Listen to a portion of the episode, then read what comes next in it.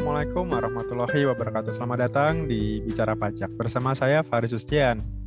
Oke, kali ini saya akan membahas tentang tujuh karakteristik untuk pajak pertambahan nilai atau PPN. Jadi, jadi kalau selama ini kita mungkin sudah belajar mengenai e-faktur, mengenai e-bupot, mengenai PPA pasal 21, mengenai pajak perusahaan yang seperti kemarin saya bahas. Nah, saya ingin membahas tentang karakter-karakter atau hal apa saja yang harus Anda tahu mengenai pajak pertambahan nilai ini atau PPN biasanya kita sebutnya. Jadi silakan disimak uh, pembelajarannya berikut ini.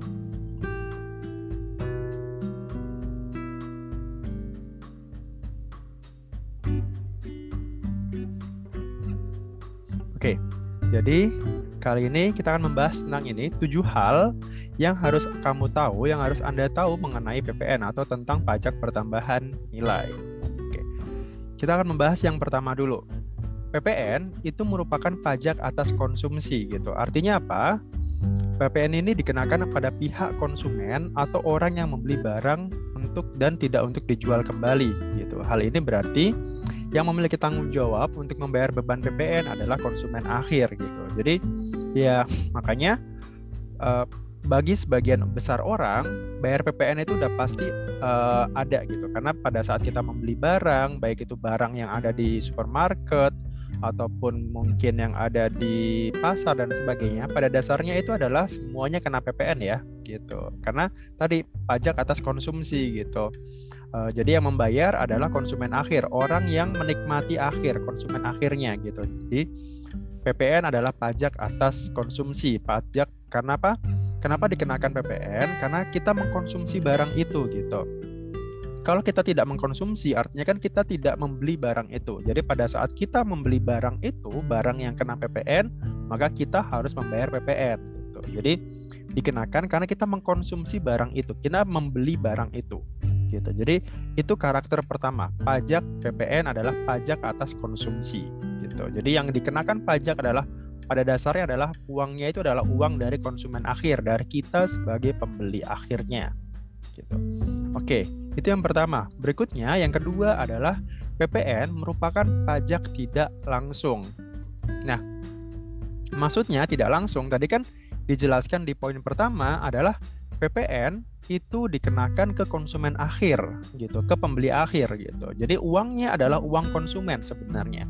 Tapi di sini khusus PPN itu kan yang menyetorkan itu bukan konsumen gitu. Yang menyetorkan adalah si penjual gitu. Jadi uangnya pembeli, uangnya si pembeli, si konsumen tadi, sementara yang menyetorkan yang yang menyetorkan PPN itu si penjual. Dalam hal ini adalah uh, pengusaha kena pajak gitu. Jadi yang memungut itu kan PKP ya, pengusaha kena pajak. Jadi uangnya uang dari konsumen, kemudian yang menyetorkan adalah PKP pengusaha kena pajak gitu. Jadi tidak langsung gitu. Jadi uangnya si konsumen, tapi yang menyetorkan adalah si pemungut tadi, si pengusaha kena pajak gitu. Makanya PPN ini rawan diselewengkan gitu, rawan untuk tidak disetorkan karena tadi dia merasa bahwa oh ini uang saya nih, ini uang saya, ini uh, uang dari hasil penjualan saya misalkan, padahal bukan. Kalau harganya itu satu juta, PPN-nya itu 10%, artinya kan PPN-nya itu ada 100 ribu.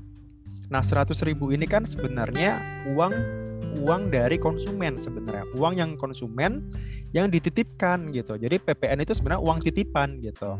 Jadi ini loh tolong saya bayar PPN 100 ribu. Tolong dong PPN-nya itu uang titipan saya tolong dong distorkan ke negara gitu. Jadi ya istilahnya tadi ya uang titipan. Jadi PPN itu sebenarnya titipan bagi pengusaha kena pajak untuk distorkan gitu. Jadi PPN itu bukan uangnya uangnya penjual ya.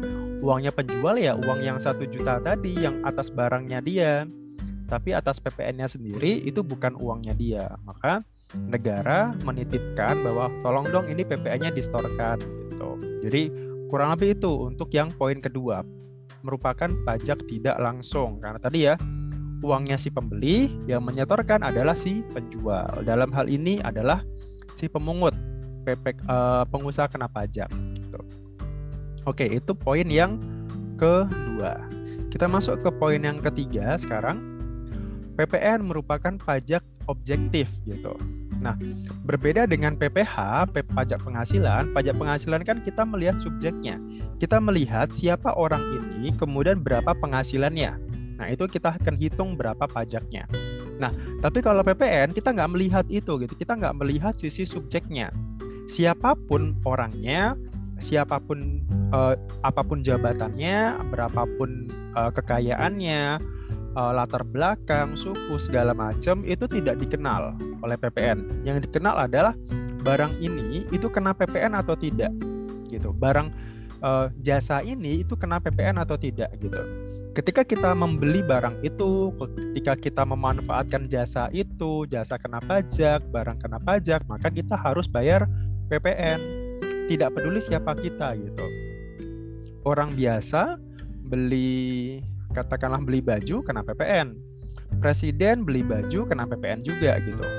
Itu nggak? Nggak masalah gitu. Jadi ya tidak melihat unsur subjeknya gitu. Semua orang sama di mata PPN gitu. Jadi ya, ya kan ada istilah semua orang di mata hukum sama ya tapi ya kalau di pajak semua orang sama di mata PPN gitu. Jadi mau presiden mau rakyat mau menteri mau siapa pun ya bayar PPN ya tetap segitu gitu loh. Orang kalau harganya 5 juta ya PPN-nya 500 ribu.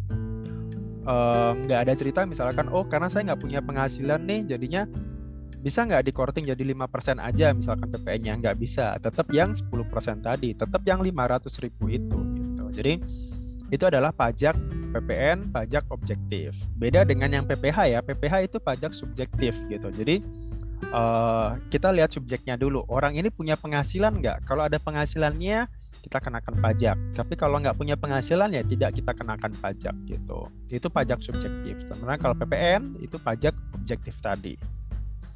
Oke, itu yang nomor tiga. Kita lanjut ke nomor empat. Nomor empat, PPN itu menggunakan tarif tunggal. Tarifnya berapa? PPN itu tarifnya 10%. Ada juga tarif PPN yang 0%, tapi ini untuk kegiatan ekspor gitu dan 0% itu tidak sama dengan tidak terutang ya. Karena kalau di PPN itu ada istilah 0%, kemudian tidak terutang. Tidak terutang itu artinya barang itu tidak kena PPN sama sekali. Ada juga yang namanya tidak dipungut, PPN tidak dipungut. Kalau tidak dipungut itu artinya si pemungut ini nggak yang menyetorkan gitu. Jadi kan tadi kan normalnya PPN itu kan yang menyetorkan adalah yang memungut ya, yang menjual. Nah, kalau tidak dipungut itu normalnya adalah si pemungut ini tidak tidak uh, yang menyetorkan gitu. Itu tidak dipungut. Ada juga PPN yang dibebaskan. Jadi kalau dibebaskan itu sebenarnya PPN ini kena gitu. Barang ini kena PPN. Tapi karena ini ada fasilitas namanya dibebaskan, makanya dia tidak kena. Biasanya uh, dibebaskan itu biasanya uh, ada yang pakai SKB surat keterangan bebas ada juga yang tidak gitu itu untuk yang dibebaskan nah kita balik lagi ke tarif tunggal ini tarif tunggal itu 10% PPN-nya beda dengan tarif PPH ya PPH OP misalkan atau PPH pasal 21 itu kan tarifnya progresif semakin besar penghasilan kita semakin besar juga tarifnya ada 5%, 15, 25, 30% itu untuk yang PPH pasal 21. Sementara kalau PPN ya sudah mau barangnya 10 juta tarifnya 10%, mau barangnya 1 miliar juga 10% juga. Mau yang beli ini presiden tarifnya 10%, mau belinya ini yang orang biasa pun juga 10%.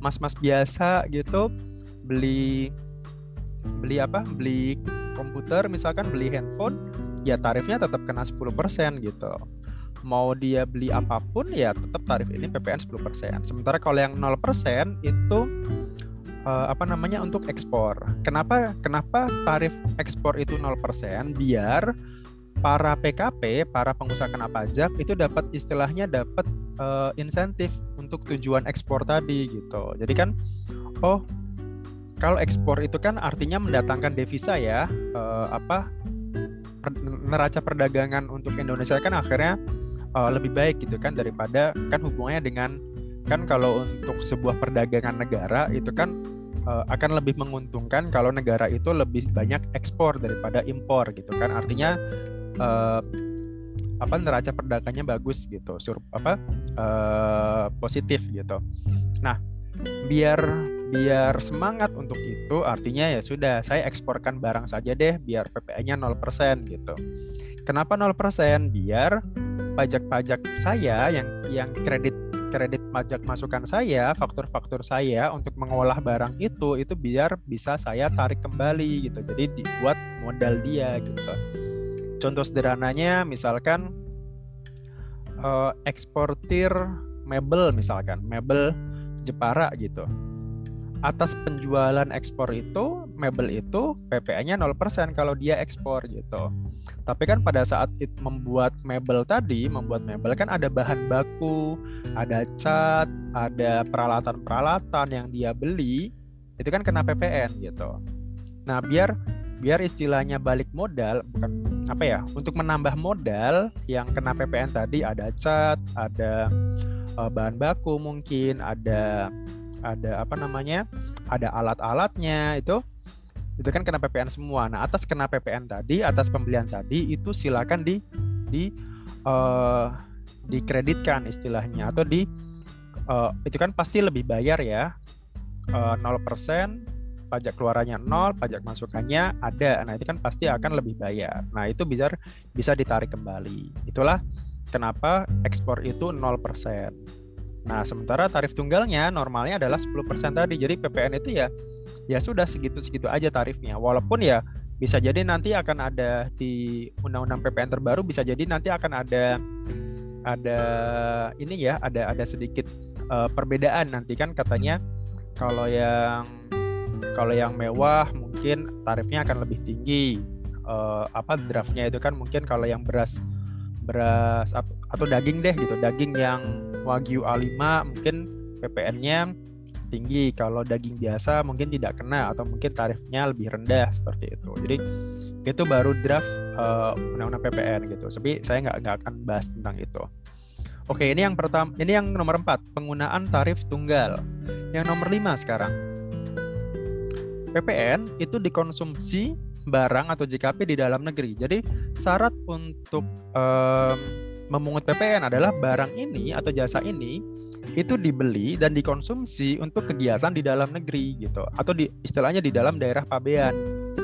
Kalau barangnya ini dikonsumsi di luar negeri ya itu nggak kena PPN gitu.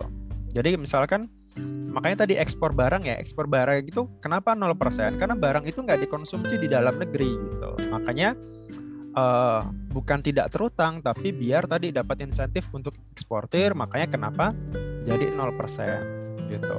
Biar biar tadi ya membantu para eksportir untuk mendapatkan uh, pajak masukannya kembali. Nah kenapa di luar itu tidak terutang ya? Karena tadi ini yang pertama konsumsinya itu hanya ada di dalam negeri gitu. Jadi kalau barang itu atau jasa itu dikonsumsinya di luar negeri atau digunakan di luar negeri, ya sudah dia tidak uh, kena PPN atau kena PPN-nya tadi ya 0% gitu. Atau bahasa resminya itu di luar daerah pabean lah atau di dalam dikonsumsi di dalam daerah kepabeanan. Kepabeanan itu ya uh, wilayah NKRI, wilayah Indonesia, tapi mungkin ada beberapa yang yang tidak termasuk kepabeanan. Misalkan contohnya kayak free trade zone di Batam atau di kawasan Berikat dan sebagainya, itu bukan daerah pabean kayak gitu. Oke, itu yang nomor 5. Nomor 6 sekarang.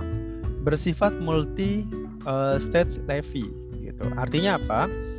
Um, PPN ini dikenakan di setiap rantai uh, rantai distribusi gitu. Kita tahu ya, PPN itu kan namanya pajak pertambahan nilai. Ada ada pertambahan nilai di situ, ada added value di situ. Nah, dikenakannya setiap setiap level tadi gitu, setiap rantai produksi tadi gitu. Contohnya gini, misalkan katakanlah sebuah uh, kita ingin membuat sebuah baju misalkan. Ingin membuat sebuah baju. Nah baju itu dari mana? Baju itu kan berasal dari uh, baju berasal dari kain kain berasal dari benang benang berasal dari kapas ya kan? Urutannya seperti itu. Nah, setiap level tadi, setiap level distribusi, setiap level pembuatan itu kan pasti ada nilai tambahnya. Dari yang awalnya kapas, e, bernilai tambah menjadi benang. Dari benang bernilai tambah menjadi kain. E, dari kain bernilai tambah menjadi baju kayak tadi. Nah, itu kan ada setiap levelnya itu. Nah, PPN itu dikenakan atas setiap penambahan nilai tadi gitu. Setiap penambahan nilai tadi. Makanya itu namanya uh, itu ya multi stage levy tadi. Setiap rantai distribusi itu uh, kena PPN. Atau ya uh, makanya dari pabrik, dari pabrik ke pedagang grosir, dari grosir ke pedagang kecil, dari pedagang kecil baru ke pengecer, dari pengecer ke konsumen gitu. Nah, setiap level itu kan pasti ada nilai uh, nilai keun selisih keuntungan ya, selisih laba gitu. Setelah apa? Nah, dari situ juga kan tadi karena dia ada pertambahan nilai itu gitu. Jadi uh, itulah namanya multi stage levy gitu. Kemudian ada juga um, namanya juga ada mekanisme pajak keluaran dikurangi pajak masukan. Ini juga nanti hubungannya dengan yang nomor 7 Nah, nomor 7 ini adalah indirect subtraction method gitu. Artinya di sini mekanisme penghitungan di PPN menggunakan metode pengurangan secara tidak langsung gitu. Kenapa? Karena kita tahu ya mekanisme PPN itu kan pajak keluaran, pajak penjualan kita, PPN penjualan kita dikurangi dengan pajak masukan kita, PPN dari masukan kita. Sederhananya adalah tadi kapas uh, sampai jadi baju tadi. Misalkan katakanlah kita beli sebuah kain, kita beli sebuah kain ya, nah itu kan kena PPN gitu, kena PPN. Nah, kemudian atas kain itu kita jahit, kita jadikan baju, akhirnya berubah menjadi baju. Baju itu kita jual. Nah, pada saat kita membeli kain, kita dapat faktur pajak, kita dapat PPN, kita bayar PPN-nya pada saat baju itu sudah jadi dan kita jual, itu kan kita juga pungut PPN gitu. Asumsinya kita ini sudah jadi pengusaha kena pajak ya, sudah jadi PKP. Nah, karena pajak masukannya itu sudah ada dari beli kain tadi dan pajak keluarnya juga sudah ada dari penjualan baju tadi. Nah, itu kita kumpulkan gitu. Nah, indirect subtraction itu artinya dia tidak langsung gitu. Bisa jadi uh, kain yang kita beli itu tidak sama dengan uh, apa baju uh, kain yang menjadi baju itu gitu. Yang jelas adalah itu dikreditkan di masa yang sama gitu. Jadi uh, tidak mesti kain yang kita beli hari ini itu kita kreditkan dengan baju dari kain hasil yang tadi gitu. Jadi intinya kurang lebih seperti itu. Hanya di mekanisme PPN kan diaturnya yang penting uh, dikreditkan di masa pajak yang sama. Jadi atas pembelian kain di bulan katakanlah di bulan Agustus, ya silakan Anda bisa kreditkan penjualan di bulan Agustus juga gitu. Jadi penjualan Agustusnya berapa? Misalkan penjualan kain katakanlah uh, eh, 150 juta misalkan. Sorry, penjualan pakaian ya, penjualan pakaian katakanlah 150 juta. Artinya PPN-nya 10%, 15 juta di situ. Dari 150 juta tadi ternyata uh, pembelian kainnya itu sebesar katakanlah ya 100 juta misalkan. Nah, 100 juta berarti kan PPN-nya ada 10%, ada 10 juta. Jadi mekanisme PPN adalah pajak keluaran yang 15 juta tadi, yang dari hasil jadi baju pakaian tadi 15 juta, kita kurangkan dengan pembelian dari kain tadi. Kainnya tadi kan 10 juta. Nah, otomatis PPN-nya berapa yang harus kita storkan? Ingat ya, PPN itu kan sebenarnya titipan gitu. Titipan, tapi boleh kita kurangkan dengan pajak yang sudah kita bayarkan gitu.